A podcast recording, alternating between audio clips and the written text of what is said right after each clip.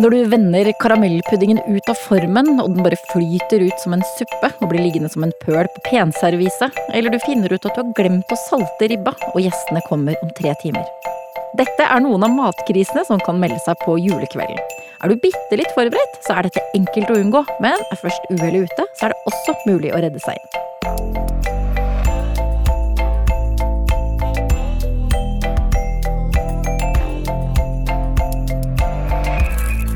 Jeg heter Katrine Ude, og med meg i dag har jeg matekspertene Anette Fjelleng Hansen og Cecilie Maske. Hei! Hallo!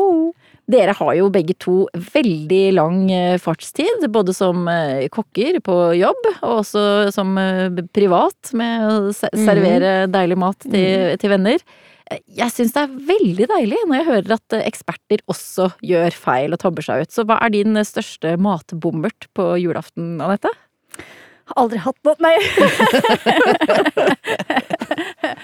Nei, altså jeg har vært heldig på julaften. Nøye planlagt kanskje det største eh, sånn tilbake etter at jeg begynte å feire jul for meg sjøl, så er det jeg husker aller best, er jo at jeg eh, var jo eh, så heldig at jeg fødte en liten datter eh, noen dager før jul et år, og jeg liksom forbandte meg på at jeg skulle i hvert fall ikke ha den her sykehusribba.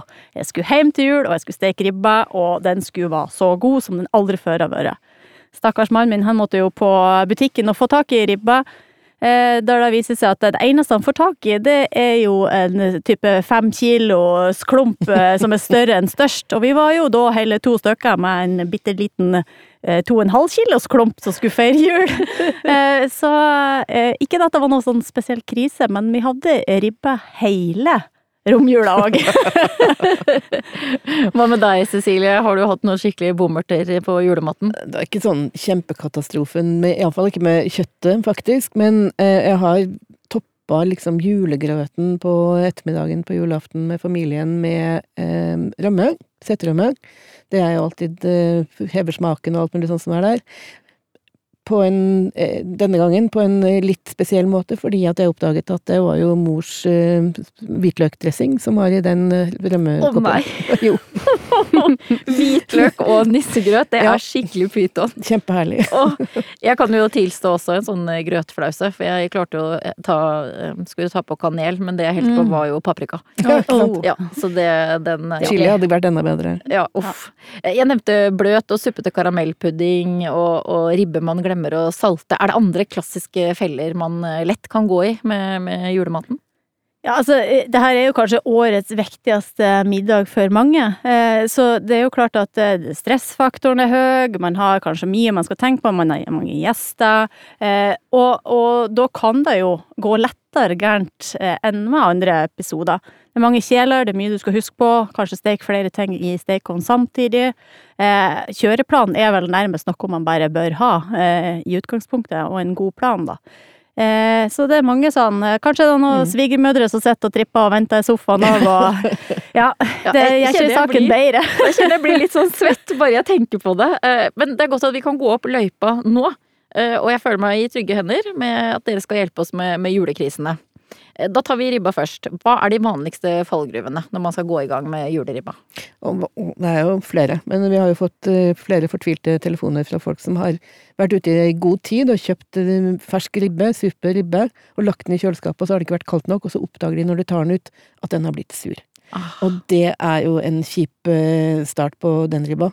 Det, altså det er jo ikke så veldig mye som kan gjøres. Det kan hende at det bare faktisk er ytre som er surt, og de kan prøve å vaske den grundig, skure den med litt eh, grovt salt, skylle godt av den og lukte på den igjen, eventuelt skjære opp svoren.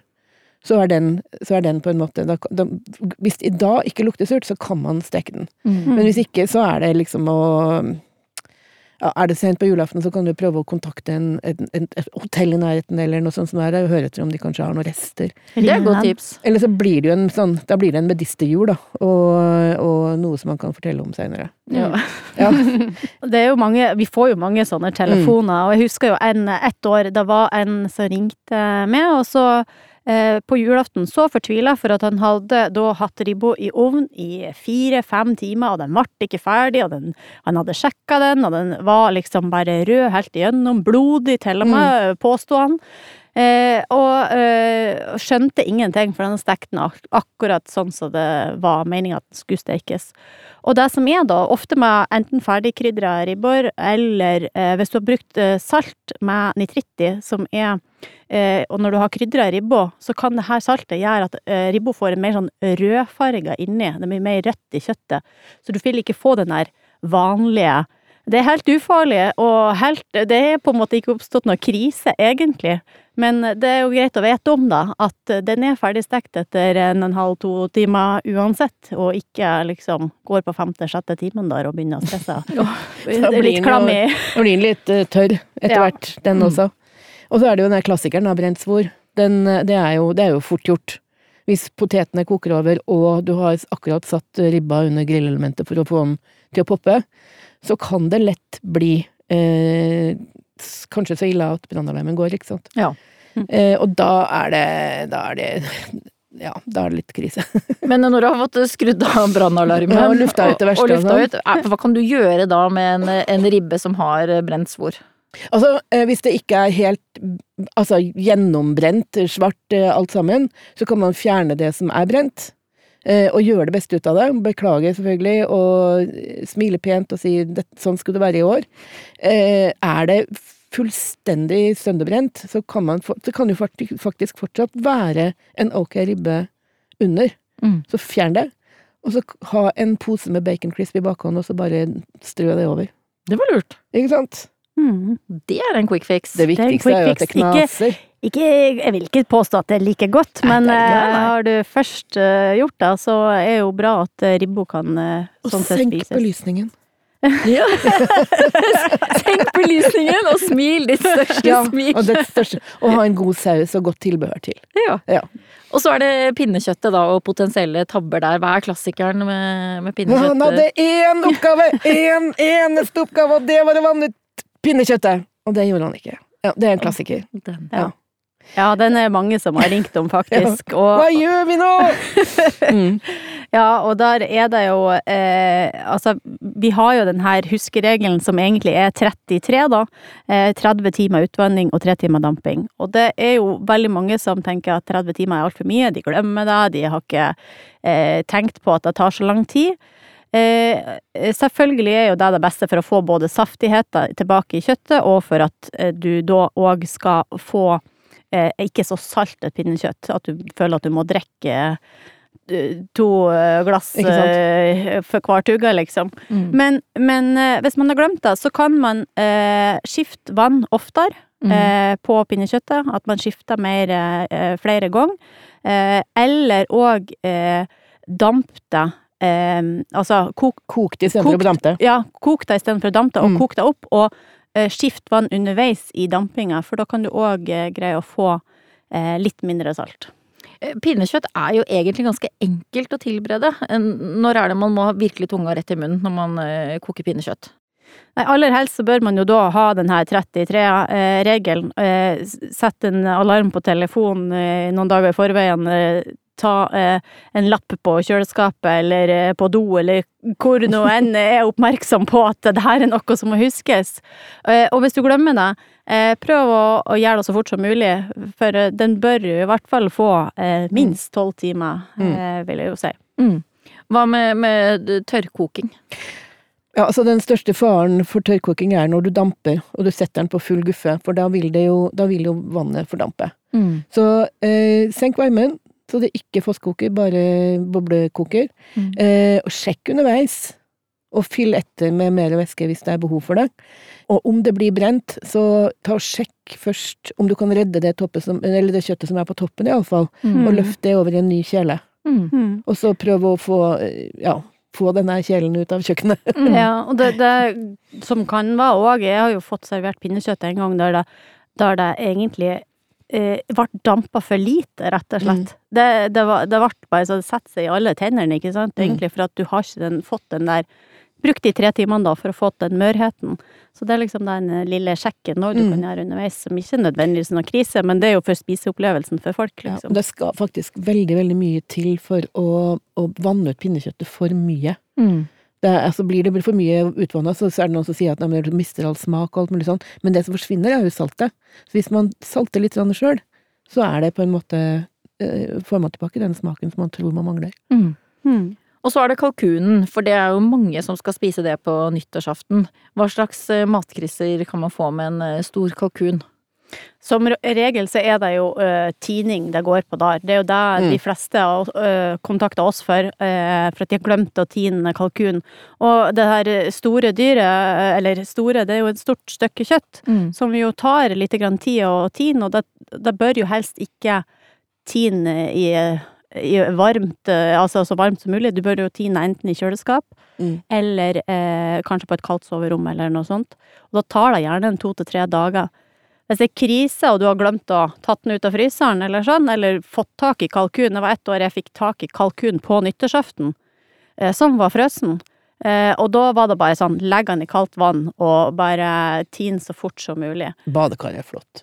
Ja, Ja. badekar Ja. og Eller en diger balje. Så kan du bare fylle på med vann. ja, akkurat når du sa badekar, så tenkte jeg bare jeg vet ikke, så, Ikke sa at jeg vet hva som skjedde i det badekaret, men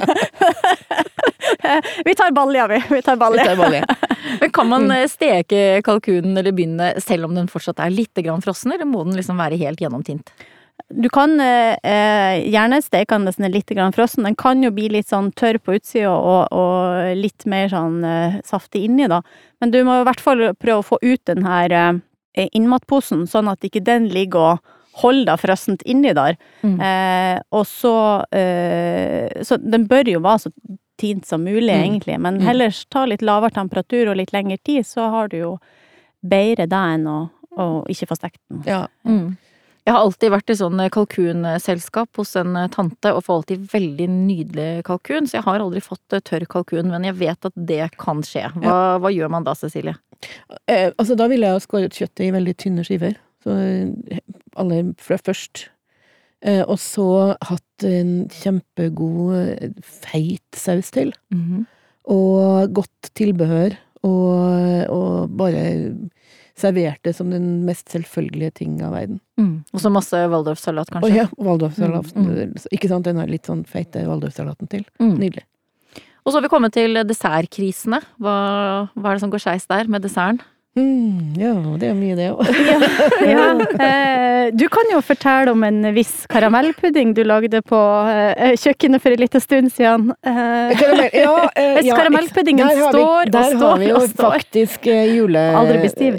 Juletrøbbelet, eller mat, julemattrøbbelet mitt, da. Det var karamellpuddingen hvor jeg hadde eh, Altså, trodde at det var blandet inn egg, og så var det bare fløtemelk. Å nei.